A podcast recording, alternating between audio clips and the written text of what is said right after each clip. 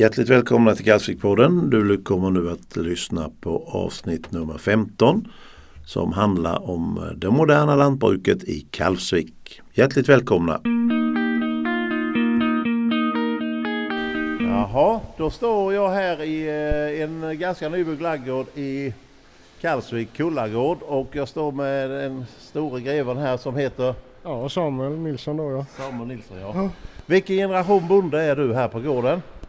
Jag kan inte det riktigt men eh, fjärde, femte någonting är det väl i alla fall. Femte måste det väl vara. Ja, fjärde, femte ja. Vi står och tittar ut över här över ett antal eh, mjölkkor och ska du förklara vad det är för typ av laggård vi står i?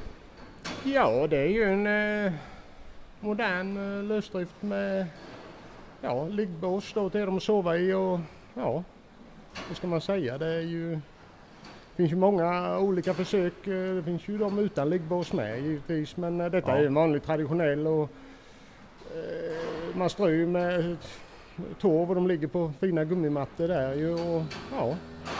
Det är torv som gäller nu för tiden? Det är ju lite bättre än spån är det ju för det, det är ju risk att de får små stickskador av spånet och, och det blir svullnader av det. Okay. Och sen är ju det jordförbättring i gödseln naturligtvis. Ja det är ju jätte, det, är det bästa men eh, lite svårt att räkna äh, hem, alltså svårt att räkna på hur mycket det är bättre det är givetvis. Mm. När, vi, när vi tittar ut här så det ser ju otroligt lugnt och behagligt ut. Alla de gör vad de vill. Ja, de har det bra. De har det jättebra ju. Det, det är väl så nära på det viset då kanske man skulle... Så nära naturen? Ja, eh, ännu ett steg hade ju varit att ha någon öppen hall med någon slags bädd eller så som slipper alla bås och sånt. Men det är inget eh, riktigt bra, det finns inga referenser riktigt så man vågar inte kasta sig in i det. Nej. Detta är ju traditionellt och, beprövat så det kör vi ja, på. Är det, du hade typ 85 eh, mjölkande ungefär? Ja, ja. Är det, det är vad man behöver idag för att dra runt ett jordbruk? Ja, vad ska man säga? Det är ju mycket så eh, om man slår på de stora gårdarna så kommer man ju ofta någonstans mellan 40 och 60 mjölkkor per, eh, arbets, per lön eller vad man ska säga. Okay, så, ja. så eh, där kommer man väl rätt så vettigt och jag tycker vi har kanske lite för mycket arbete men man viger ju sig åt detta livet så det... Det, det, det, det är ett sätt att leva. Ja det är det ju, absolut. Ni får ju verkligen njuta av att arbeta 365 dagar om året. Ja, det... Tänk på oss andra, vi får ju två dagar ledigt varje vecka, vi stackare. Ja, ja, inte veta vad ni ska ta er till då ju. eh, när man ser allt det här, det går åt lite ström och så vidare och eh, det är väl så idag att du är skyldig att ha ett reservkraftverk? Ja, ja, absolut. Eh, så alla, alla som har djurproduktion måste ha ett eh, reservkraftverk? Eh, ja det tror jag Arla har ju haft det som mjölkproducenter har det varit krav eh, väldigt länge egentligen. Mm. Jag kan inte riktigt exakt men det måste ju vara någon gång på 90-talet det kom. Det som är nytt sen, eh, ja till och med du har ju varit med om det Samuel, men när jag var liten då var det uppbundet. Man stod in dem i början på oktober. Sen stod de i samma bås till maj. Ja, ja. Här väljer de, de går vad de vill här kan man säga. Ja de går ju, det är ju två skrapgångar så de uh, går ju runt här, strosar omkring och väljer sin liggplats och, och uh, är det lite gott på, mat, på foderbordet så går de förbi och tar en tugga ju. Det... En, en dum fråga, har de har kor, vill de gärna, jag vill gärna ligga där? Absolut, det tror man ju inte. Det är så? Det är så. Och det är likadant när vi mjölkar dem. Det, det är, en del kor ska gå in först och en del ska gå in sist. Och, och den kan, av... kan de till och med bli lite tjuriga om någon annan ligger på... Ja, ja. Det händer ju. Okay. När de blir, och det kommer ju ofta med åldern då ju, så gamla kor eh, ja. Eh, kan ju komma och fösa bort någon yngre då. Ja. Eh, nu den här podden det är ju inte bara till för lantbrukare och oss som kan lite utan det är ju för eh, de som inte kan så mycket. Om vi ska börja då en kos liv. Man föds som kalv. Ja. ja. Och sen eh, när, hur gammal är man när man eh, de blir dräktiga, alltså betäcks eller semineras? Ja, målet, målet då är ju ofta att man ska få dem till att kalva vid 24 månader. Då ja. två år och hur länge går de dräktiga? Ja, nio månader är det ju något så, ja. sådär. Ja. Eh, vi ligger väl på 26-27 månader här. Det, det, är svårt att få till eh, det där sista. De, man vill gärna ha storleken och mm. så men eh, ja. Hur gammal är den äldsta kon här tror du? Jag kan inte det på huvudet men eh, den är nog en eh, 7-8 år i alla fall. Ja. Men normalt, hur många kalvningar räknar man med? Tre? Fyra? Eh, ja, eh, tyvärr är det ju de här nya stallarna så är det ju kanske inte mer än två, tre kalvningar i snitt. Men eh, det, strävan är ju hela tiden att få dem att hålla länge. För det är ju, en, en ko mjölkar ju bättre än en kviga så det gäller att få dem, behålla dem om man kan. Ja, ja. Och sen kan man säga det att eh, det är ju några otroliga mjölk, mjölkproducenter jämfört med förr i tiden. Ja. Man, ligger, man, man pratar kilo, inte liter. Nej det är ju kilo men det är ju ungefär, Det det är är, samma ju en marginell skillnad ju. Eh, Men eh, Vad är den bästa kon? Hur många kilo mjölkar den? Har du det i huvudet bara sådär? jag tror vi har några som ligger på ja, 16-17, det är ju inget ovanligt här ju. 16-17? Ton om året då ju. Oj oj oj. Ja. Så snittet är väl någonstans på 11,5 här nu då. Men det är, väl- det är ju bra. Ja det är ju med genomsnitt i Sverige kan man väl säga. Eh, Men det är väl bra kanske för att vara, för att vara nystartad eller vad man ska säga, eller ny, ny, ny, nyinstallad. Men hur får man eh, hur får man betalt för mjölken? Det är ju per kilo då. Ja, Men det, så är det fetthalt och lite sånt det eller? spelar ju in också. Det är ju... Jag kan inte det riktigt så. Men ju det, det, fetare mjölk ju bättre betalt. Är det ja så? så, så är det ju absolut. Och då kan man ju Eh, få mycket grädde och sånt. Ja, på- ja, så vi har ju lite, vi har ju lite höga halter här så det, det blir mer per liter då ju. Ja. Så det... Och då kommer ju den eh, alltid frågan, vad har man per liter, alltså per kilo mjölk idag? Vad är det nu? Det är väl nere, höll jag på att säga. Jag hoppas det är nere och vänder här nu på 4,30. Ja, det är nere Tror jag på det. det. Ja, Och som topp har det varit, Ja, I fjol var det ju extremt bra. Då var det ju, jag vet vi räknade då på våra mjölk och den var ju uppe på 6,66 då. oj oj oj. Så det, det är ju rätt eh, nu. Det var ju ett himla bra år i fjol. Och eh, det, omkostnaderna hade ju inte hunnit komma. Men nu står vi i omvänt läge så vi... Men det, det är ju märkligt för, ja jag förstår ju det är ju tillgång och efterfrågan. Jaha, ja. Men det är ju som, vi har ju grävmaskiner till exempel, så att om vi säger vi tar 1000 kronor i timmen just nu. Sen ringer plötsligt eh, organisationen och säger att nej men nu får ni 630. Det var ju inte roligt kan jag tala om. Och man har samma kostnad. Ja, ja. För det är, vad, vad är de stora kostnaderna? Det är foder En naturligtvis, foder är ju en stor kostnad ju. Det är ju... diesel. Ja, inte så farligt som man ofta kanske pratar eh, på total på om man slår på mjölken då så är det ju inte så farligt. Men visst det är, det är stora poster är det ju. Det är ju det är ju många Ska hundratusen på ska vi året. gå och titta här eller vad de, när de äter ska vi kolla här lite, då kan du förklara. Det är ju synd vi inte livesänder Youtube här men det får bli. Eh, man kan ju se här att eh, det är ju rätt så rejält med mat.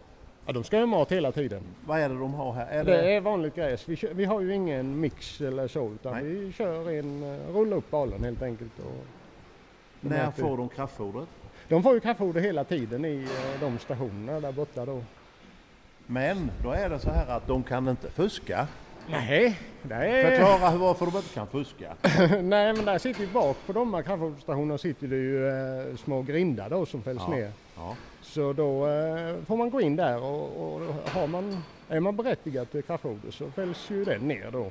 Och så får Alltså, man stå där och man äta. kan säga de har ett halsband med en transponder i. Ja, Det är det det handlar om. ja, Så går de fram och säger nej du får inte kraftfoder förrän ikväll. ja, ja. Eh, och det baseras ju på mjölkmätaren då så- det justerar ju sig själv hela tiden. Eh, Alltså, Men lägger ni in det i ett dataprogram?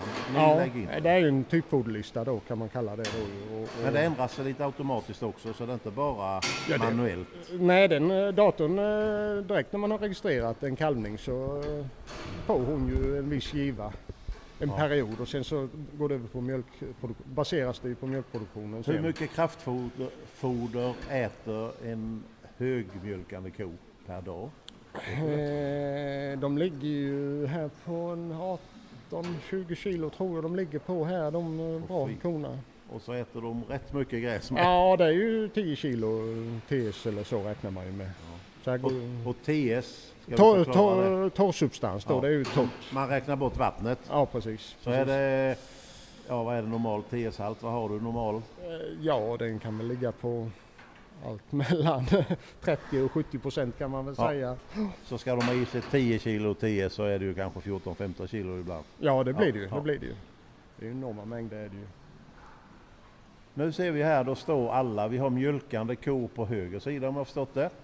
Och vänster sida det är eh, sinekor. Ja, Alltså mm, de ska antingen betäckas eller så ska de naturligtvis kalva. ja, ja, här de första. Och så har ni kalvbox, kalvningsboxar. ja, ja. Men får du, det, då får man titta i datorn så här nu ska Pärla ska kalva snart. Då tar man in henne i kalvningsbox. Eller är det något ni ser på dem?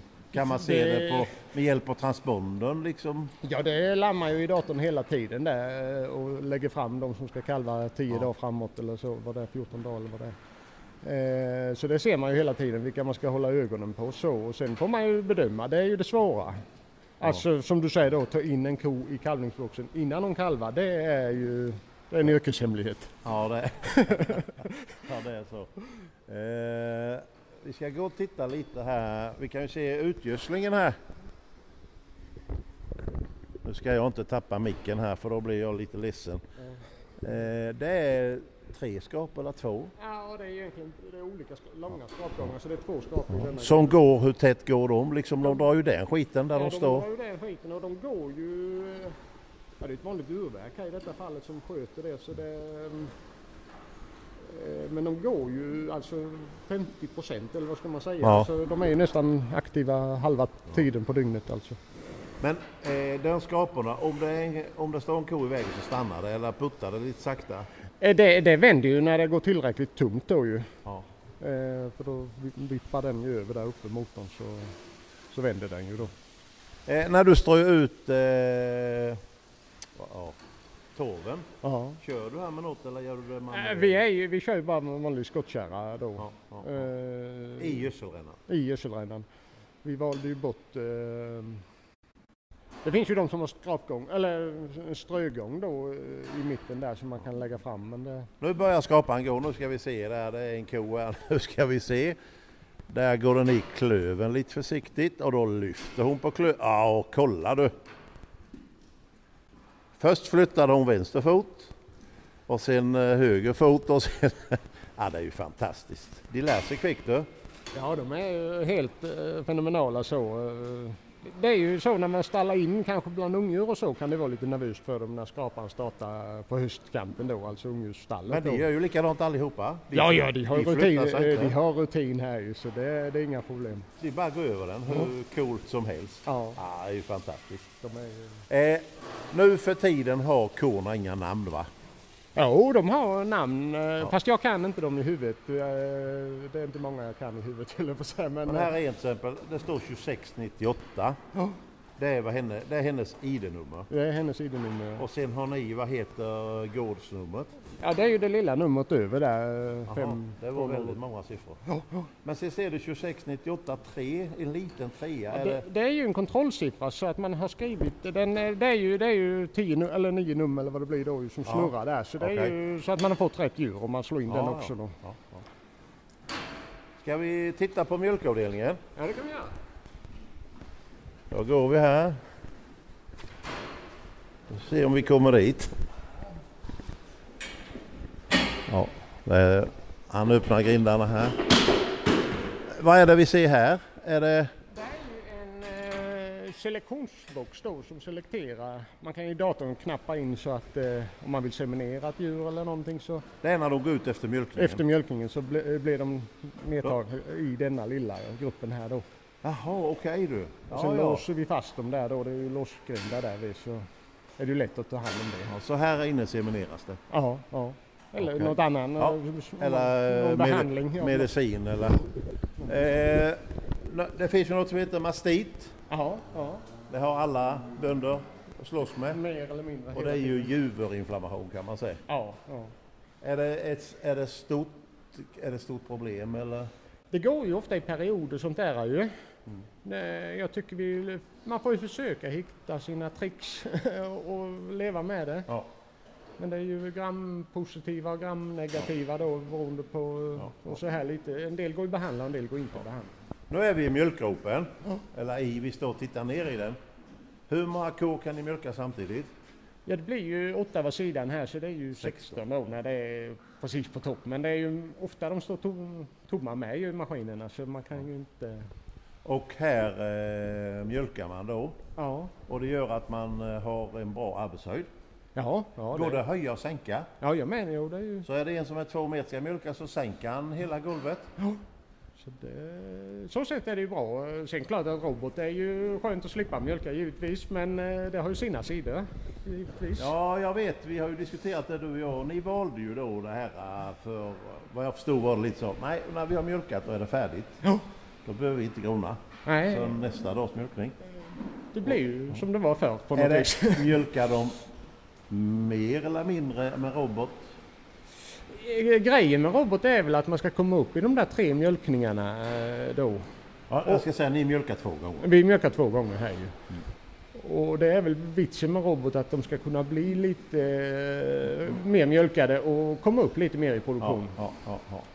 Så det, och det är väl inget vi vill ge oss in i och mjölka tre gånger för det, Nej, det, det, det, är, det är inget liv. det, nej då får man nog ha någon utländsk arbetskraft eller något. Här kan man se här hänger en uh, tryckluftshandtag på varje ställe, eller? Ja, det sitter det är ju det här sprayet vi har sprayat på Jaha, efter, okej. då, efter mjölkningen där. Någon så- form av uh, skydda djuret kan Ja, spenen där, spenspetsen ska ju Ja, hjälpa. ja, ja. eh, Så det är lite desinficerande, det är jodbaserat då. Så det sprayar man ju på efter mjölkningen där. Eh, en sån här går, ösk- eh, laggård. Vad skriver man av den på? Ska den vara betald och färdig på 20 år eller vad pratar vi om? Ja, jag tror eh, stall, själva huset skriver man väl ofta på 30 år tror jag och sen eh, inventarierna är här inne skriver man väl ungefär på 10 år skulle jag tro. Så det blir ju... Och idag, om man bygger idag så räknar man ju per koplats. Ja, ja. Vad är det idag? Vet du det?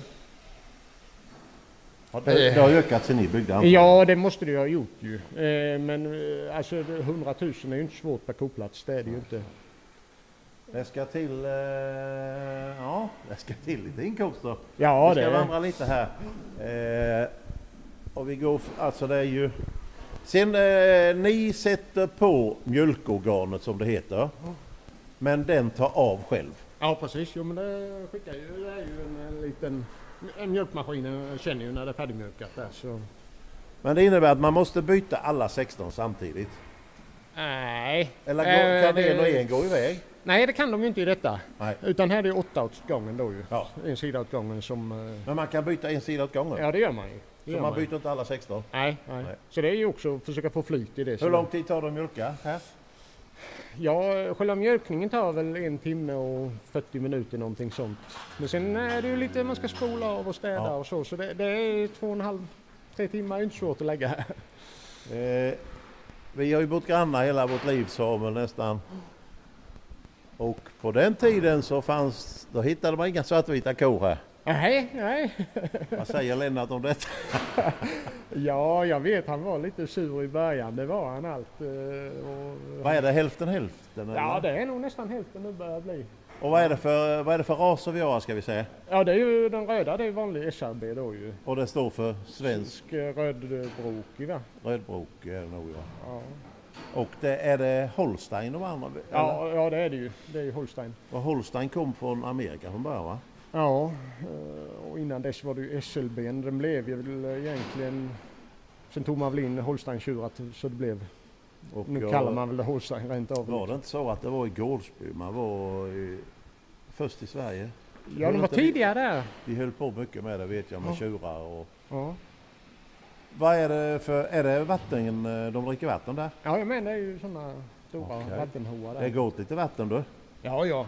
För vi ska ju säga, alltså de, de mjölkar ju otroliga mängder. Men de äter ju och dricker några otroliga mängder Ja, med. ja, ja. Det är ju...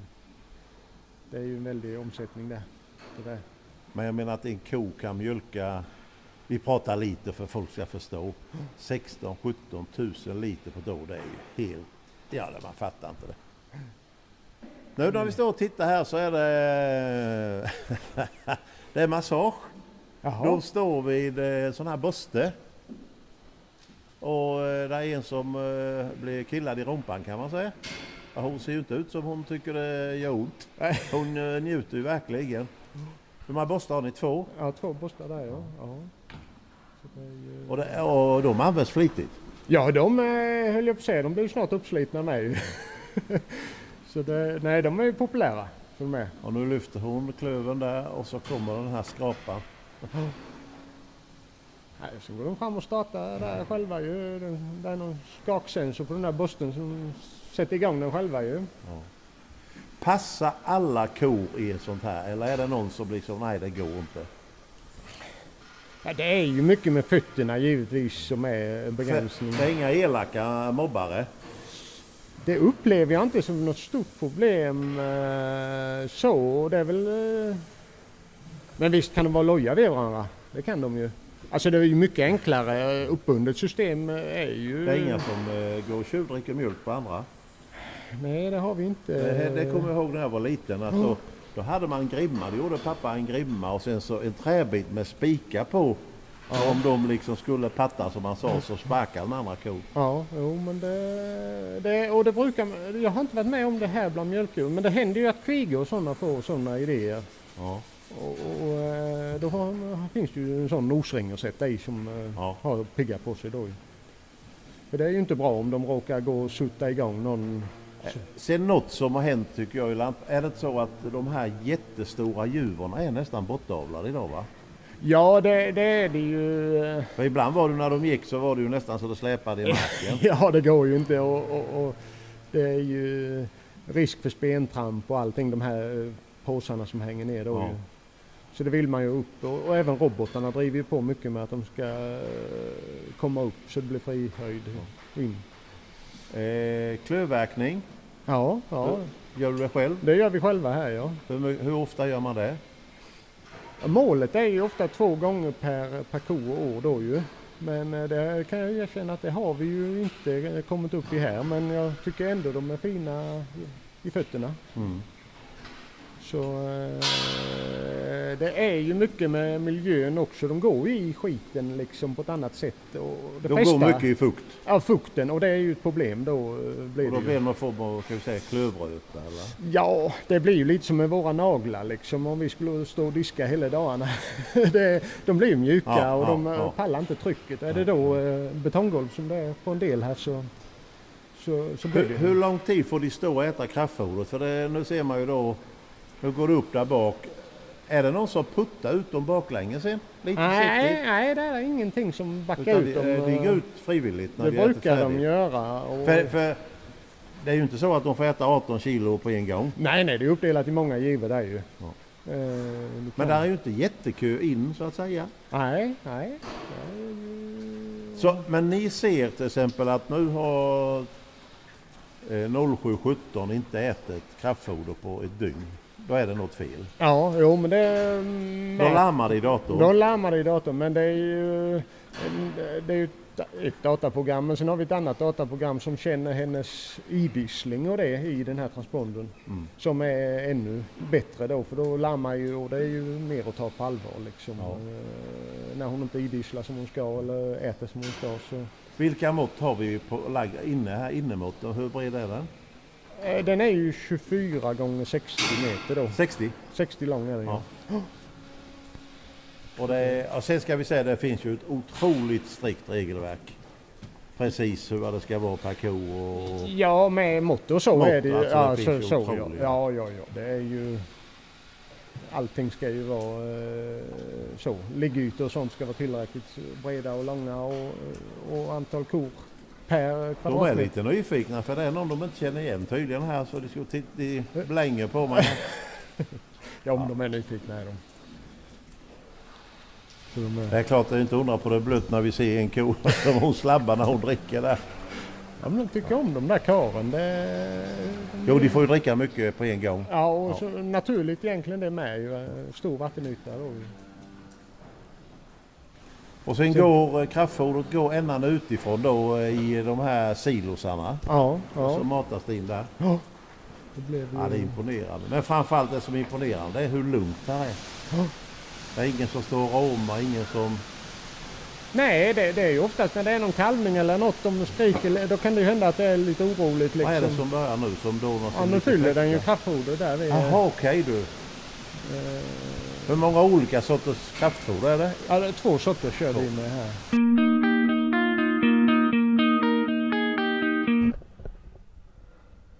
Nu har vi kommit in i mjölkrum. Ja, ska vi säga, eller detta är, livs, vad sa du, livsmedelgodkänt? Ja, ja, lokalen är ju lite fräschare här. Ett litet rum som mjölktanken kommer in i kan man säga. Ja. ja, man kan säga, en del av mjölktanken är i ett annat rum. Där Ja. det kommer in i den va? Ja, det kommer ju in i den här förstås. Ja, där kommer det in. Ja. Ja, så vi kokar ju på eh, mjölken, eh, laddar ju tanken. Men eh, det är ju, ja, det ska ju vara lite bättre hygien i tanken här i Ja. detta utrymmet då. Och, men det är bara här mjölkbilschauffören får inte gå in någon annanstans utan det är här. Det är här han går in ja. Ja, han får inte gå in i ladugården. Nej, så det är ju lite smittskydd och hela den biten också givetvis. Och de... eh, Är det varannan dag eller? Det är varannan dag ja. ja. Eller morgon eller kväll eller lite när som helst? Är jag här, alltså de har ju precis varit här nu. De kommer ju varannan morgon här. Så de är tomma här nu? de är tomma nu ja. Ja. Det... Men hur, men hur gör man? Vi säger om vi hade haft robotmjölkning, jag som inte förstår. För då kommer det ju varm mjölk hela tiden. Har man då först en tank och kyler ner det till... För annars blir det ju hela tiden varm mjölk som kommer. Ja, eh, det finns väl, på robot finns det väl två system där. Antingen stänger du av robot, att mjölkbilschauffören stänger av roboten och, och så, så den pausar. Eller, eller har de en liten, tank där som eh, kopplas över till. Ja, ja. Under tiden som den stora tanken då ska diskas. Ja, så, så här har För vi... detta är den stora tanken förstår Ja, jag. Och den rymmer... Den eh, rymmer ju 9600 liter. Så det är ju, Och den andra... Ja, det, det är, vi var ju lite snåla där så vi tog ju vår gamla tank. Så det är ju en 3 Ja. kubikare där. Ja, ja, men det är... Men det, det är inte säkert den används alltid den ena Det då. beror ju på när eh, mjölkbilen kommer. Ja. Och ännu så har vi klarat oss och, och var färdigmjölkade. Och, ni, och ni får inte bestämma när mjölkbilen ska komma? Nej, det gör vi ju inte. Det är väl fortfarande vissa tider han inte får komma tror jag. Mm. Jag vet inte, det är lite... Förr var det det i alla fall. Eh, På det gamla konventionella. Och sen kan vi se på kvittot här Samuel, vi ska inte avslöja något men då står det ju 19 11 det är idag. 09.25 var den här. Hur många liter mjölk och hur varm den var. Ja, ja. 4,9. Sen brukar det ju, nu har det väl... Till och med vad chauffören hette. Ja, jag med och telefonnummer och hela biten där ju. Ja. Eh, Och sen brukar man ju få även, nu vet jag inte, det var Och där står analys provdatum ej. antibiotika det- påvisad då ju. Alltså det var, det var bra mjölk kan vi Ja, säga. ja, ja visst. Nej, det kan ju hända att man, eh, om man har någon penicillinbehandlad ko som eh, utav misstag kommer i. Mm. Men det tror jag aldrig vi har varit ute för att vi har... Och där står analys. eh, När, när blir det analys som det står här? Ja, det blir ju lite nu när det är helger och så. eh, Så ibland får man ju två provsvar där ju. Ja. Men så där är ju provsvar. Vad är det? Fetthalt, proteinhalt, det är bakterier, Ja. celltal, fryspunkt. Fan, kolla, hur kollar man fryspunkt? Ja, jo, men den är ju ett kvitto på att man inte har spett med vatten eller så ju. Jaha, okej. Så Men, det, det- men detta det kan inte de göra här eller? Nej, det, de tar ju ett litet prov i mjölkbilen där och skickar iväg på analys. Jaha, så du menar om du spär med vatten då fryser det kvickare? Ja, det blir det Antar väl jag. då ja. Ja, det blir, antar jag. Eh, Där ju. Okej. Så det, det kan ju hända att det... Ja, det- och sen står det på en annan lapp. Vintern är på väg. Har ni tagit hem grus att halkbekämpa med och satt upp snö, snökäppar? Hälsning Arla. Ja. Ja, ni behöver inte tänka själva. Nej, nej. Du, vi ska gå in och titta på en intressant grej. Det är ju om vi kommer ut. Det är ju det här med hur man gör kor gravida. Och vi får prata människospråk. De får inte, det är inte som det var förr. Då, då gick man till tjuren. Det var det en byatjuren som man gick till. Ja, vi hade en hemma. Ja, just det. Ja. Och sen kom de och så var det beteckning sig för ko stå kvar. Och sen var det kaffe och gök. Och så skulle man betala. Ja. Men här står tjuren XT21-A1 eller I står det. Och vad är det Samuel? Ja men det är ju kvävekärlet där, där vi har eh, semindoserna då ju. Frysta. De, är, de ligger i kväve där, i flytande kväve, så det är ju jättekallt. Minus, ja det är väl 100, över 100 grader va? Eller? Ja, jag kan inte Nej, det, jag inte men det. eh, vi har satt på hänglås där bara för att barnen inte ska råka få det över sig. För det är klart att det, det är inte så bra. Men ni sitter här i lugn och ro och det är väl Sofia jobbar ju jättemycket med detta vet jag. Ja, det är hon som är drivkraften i Men den just- biten. I alla Men fall. just det här att välja ut, nu ska vi ha den tjuren. Ja. Alltså det, är det risk, alltså om alla använder samma tjur blir det innehav i slut. Hur, hur kollar man? Men ni bestämmer själva. Ja, vi bestämmer ju själva och sen finns det ju givetvis risk för inavel och så, men det... Det finns ju många tjurar. så. Det finns ju många tjurar så ju. Och sen har hon ju sina... sina eh, Men liksom, sina det är ju helt enkelt att det är tjurar, det ska vara att det blir hållbara. Sen var det ju, 50% är ju på kon med. Ja, ja, ja. Och det är väl lite som eh, min far alltid sa att de dåliga egenskaperna kommer från modern, höll jag på att säga. Så det, det är ju inte, alltså gen är jätteintressant för det, det kan ju hoppa några generationer och komma tillbaka och sådär. Alltså det, det, är, det är svårt. Det är inte digitalt som en datamaskin utan... Där har vi en som heter VR Abin. Heter han det? Det Ja, namnet? ja, det måste det ju vara. Och då kan man se precis vad han har gett. Och... egenskaper med produktion och ben. Vad ger man för en dos? Ja, det är väl allt mellan... Ja, 2, 3, 400 där. Alltså det, det är olika, det är inte så att det är samma pris på alla. Nej, nej det är det ju inte. Utan Ju bättre tjur ju dyrare. Ja. Förr fanns det ju något som hette ungtjur då och då var det ju en tjur som var på fram på eh, testning. Ja, man att se- visste inte så mycket. Nej. Nej. Och det har ju försvunnit nu för nu har de någon gen kan de ju läsa det i generna på något vis. Om man de, vet innan. de påstår sig kunna det i alla fall. Det var väl, usch, det var inte Det här är ju en hel, eh, jag vet inte, hon har väldigt många doser här. Och tycker det är roligt så det Ja. Nej, det är är... kanske inte Och sen alla. måste man ju titta lite på kons stamtavla med då. Så inte Ja, det släkt. får man ju gå ut och titta lite på hennes egenskaper och, och, och, och, och så släkt och det givetvis. Och sen är det ett gäng pärmar här och det är mycket om kor. Och sen är det en dator. En dator, ja. Och det är, det är ett viktigt hjälpmedel idag.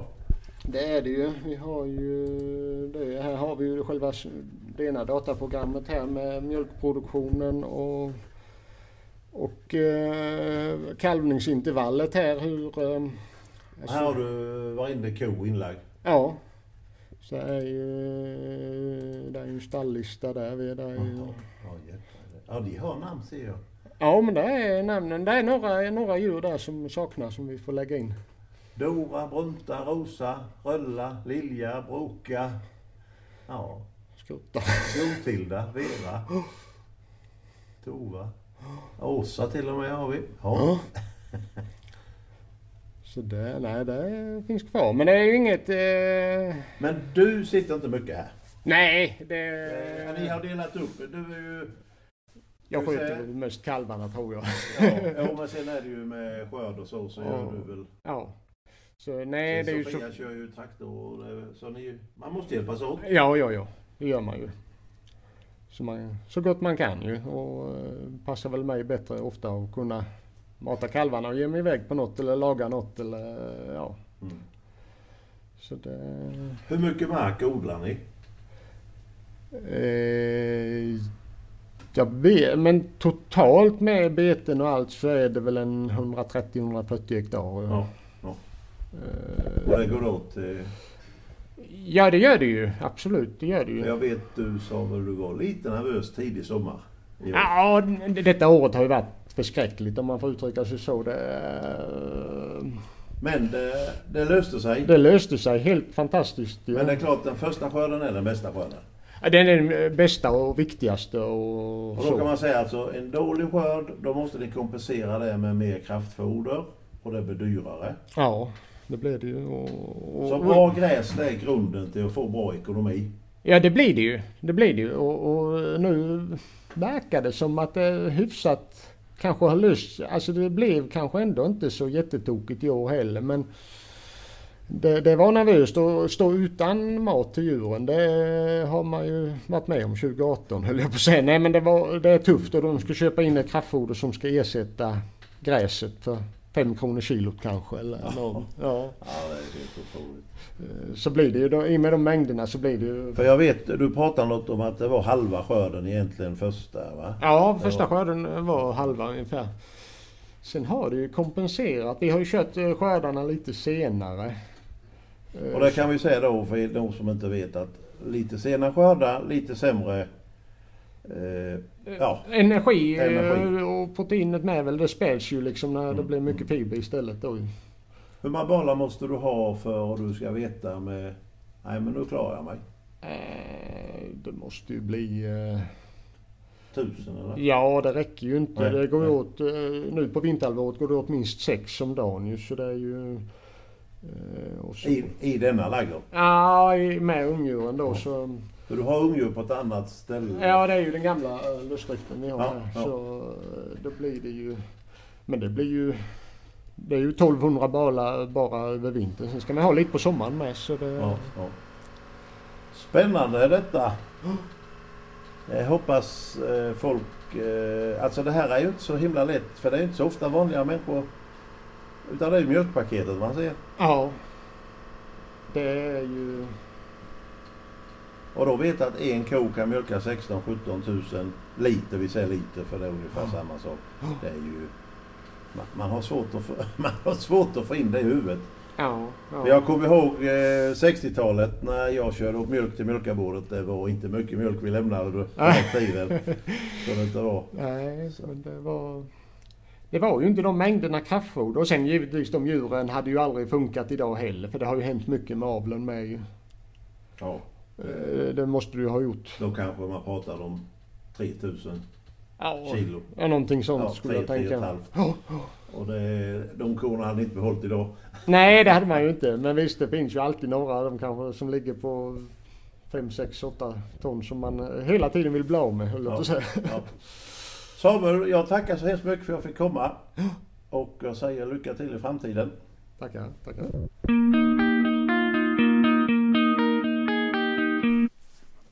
Ja, det var lantbruk eller jordbruket som vi säger 2023. Det är ju ett tidevarv när vi går mot större och större enheter och det som vi pratade om där att 70, 80, 90 kor det bör man nog ha för att överleva idag. Vi har ju mjölkrobotar, vi ska väl se om vi inte kan hitta något inslag om det i framtiden också för det är ju ett, en annan form av mjölkproduktion när det gäller själva mjölkandet. Eh, om vi går tillbaka till 50-60-tal, jag kan ju själv påminna mig hur det var i mitten på 60-talet. Om jag tittar nere i byn, kökbyn, då var det ju kor i princip i varenda ladugård. Och det var ju från en, två kor upp till kanske 10, 12, 13 kor. 10, 10 till 15 kor, det var ju en stor besättning på den tiden i Karlsvik. Alla jobbade ju mer eller mindre med jordbruk. Och eh, eh, produktionen var ju otroligt låg per ko. Men man hade korna längre naturligtvis. Man eh, slaktade ju inte ut dem så tidigt utan eh, de var snälla och de, de var snälla och mjölka och de var trevliga att ha med att göra. Det var sånt man värderade på ett annat vis då. Och då hade man ju mest, ja, man födde ju upp eh, kalvar och man eh, sålde lite livkalvar men man behöll mycket. Man slaktade ju väldigt mycket hemma på gårdarna på den tiden för att få mat själv på den, på den tiden, 60, 70-talet, 50 naturligtvis innan. Men vad kan man säga om detta lantbruket? De har ju blivit väldigt mycket effektivare. Det vi höll på med mitten på 60-talet, hänga hö, köra in hö, hissa upp höet. Jag menar det, det fyra, fem man gjorde på en sommar då, det gör ju en modern bonde idag på, ja det tar inte ens en hel dag. Och på den tiden var det en skörd och det var hö. Nu tar man upp till fyra skördar per år. Form av ensilage som eh, är väldigt mycket mer smakligare för nötkreatur och eh, gör ju att det också produceras väldigt mycket mer mjölk tack vare det här nya fodret. Man tog fram någon gång på, ja, när det kom till byn, vi snackar väl 80-tal, 80-90-tal riktigt på 100-procentigt då. Jag kommer ihåg när det var en stor eh, händelse när den första satte in skultork, alltså man hade fläktar som blåste och torkade höet så det var inte riktigt torrt när man körde in det. Bara det var ju en fantastisk fantastisk uppfinning. Förr i tiden när man hängde, som vi sa hemma, eller häschade höet, då var det många som tyckte att nah, men det, det, är inte fel om det kommer en regnskur på det först. Och sen då eh, fixade man ju och donade med hängorna så när man hängde det var det jätteviktigt för att övertråden, den fjärde tråden som i de flesta fall det var fyra trådar, skulle då agera som ett tak. Man hängde varannan byra så att säga. Man jobbade från bägge håll så att det blev, fungerade som ett tak. Och så att om det kommer en bra regnskur så skulle det inte komma in inne i, i häschan utan det skulle rinna ut med häschan istället. Eh, vad är det för positivt med det här nya driften? Ja, djurhållningen kanske har blivit bättre. De får gå lösa nu. Men däremot så är det ju väldigt sårbart om man får in en sjukdom i en laggård med 100-200 kor. Eh, salmonella och sånt det var ju inte riktigt lika sårbart när man hade kanske 10 kor. För då kunde man stänga en gård men nu får du Stänger du en gård nu så är det kanske ett par hundra kor och eh, ja, förr i tiden var det 5-10 kor kanske. Man tog ju hand om väldigt mycket hemma själv. Man eh, köpte ju inte mjölk i affären naturligtvis som bonde utan man tog in mjölken och kylde den. Och sen då skummade man av grädden innan man drack den och det var ju en rätt så fet mjölk man drack på den tiden och eh, vi som är vana vid grön mjölk som vi brukar säga nu, mellanmjölken, eh, tycker ju att den här den vi har den röda mjölkpaketet är ju rätt fet men då är den ju ändå inte fet jämfört med där, vi, där man drack när man var liten direkt från lagren. Och skummade och fixade och donade och sen bakades det och användes mycket i matlagningen. På den tiden eh, körde man ju upp mjölken till Stora vägen där mjölkbilen kom. Hämtade krukorna på morgonen och sen på eftermiddagen så kom de hem diskade och klara. Och sen hämtade man och ibland så fick man hem eh, eh, varor från mejeriet. Man kunde köpa smör, man kunde köpa ost. Man kunde till och med få kärnmjölk, man kunde få hem vassle till grisarna. Och då åkte man upp och hämtade det på eftermiddagen då, eller ja, eftermiddagen var det, sen eftermiddag. Och mjölkarbilen körde ju sju dagar i veckan. Så var det. Och innan dess så hade vi ju ett mejeri i Kalsvik. Ganska nära kyrkan. Och då hade man ju som då körde man ju dit mjölken med hästskjuts. Turades om att köra. Jag vet nere i kyrkbyn där hade, hade man då en eller två dagar i veckan man körde mjölken åt alla. Så att inte alla skulle behöva köra mjölken varje dag. Så det är ju en liten spännande utveckling på lantbruket. Eh, det blir större och större enheter. Mer och mer och de flesta har ju då anställda människor. Eh, Samuel och Sofie har det inte direkt så heltidsanställda men har lite avbytare och lite folk som hjälper sig ibland. Men väldigt många jordbruk idag har ju fasta anställda så det är, det är som ett vanligt företag idag. Fast de flesta jobbar väldigt mycket mer än de gör nu. Du har lyssnat på avsnitt 15 av Kalvsvikspodden av och med mig Kjell-Erik Sagerbrant inspelat hösten 2023. På återhörande.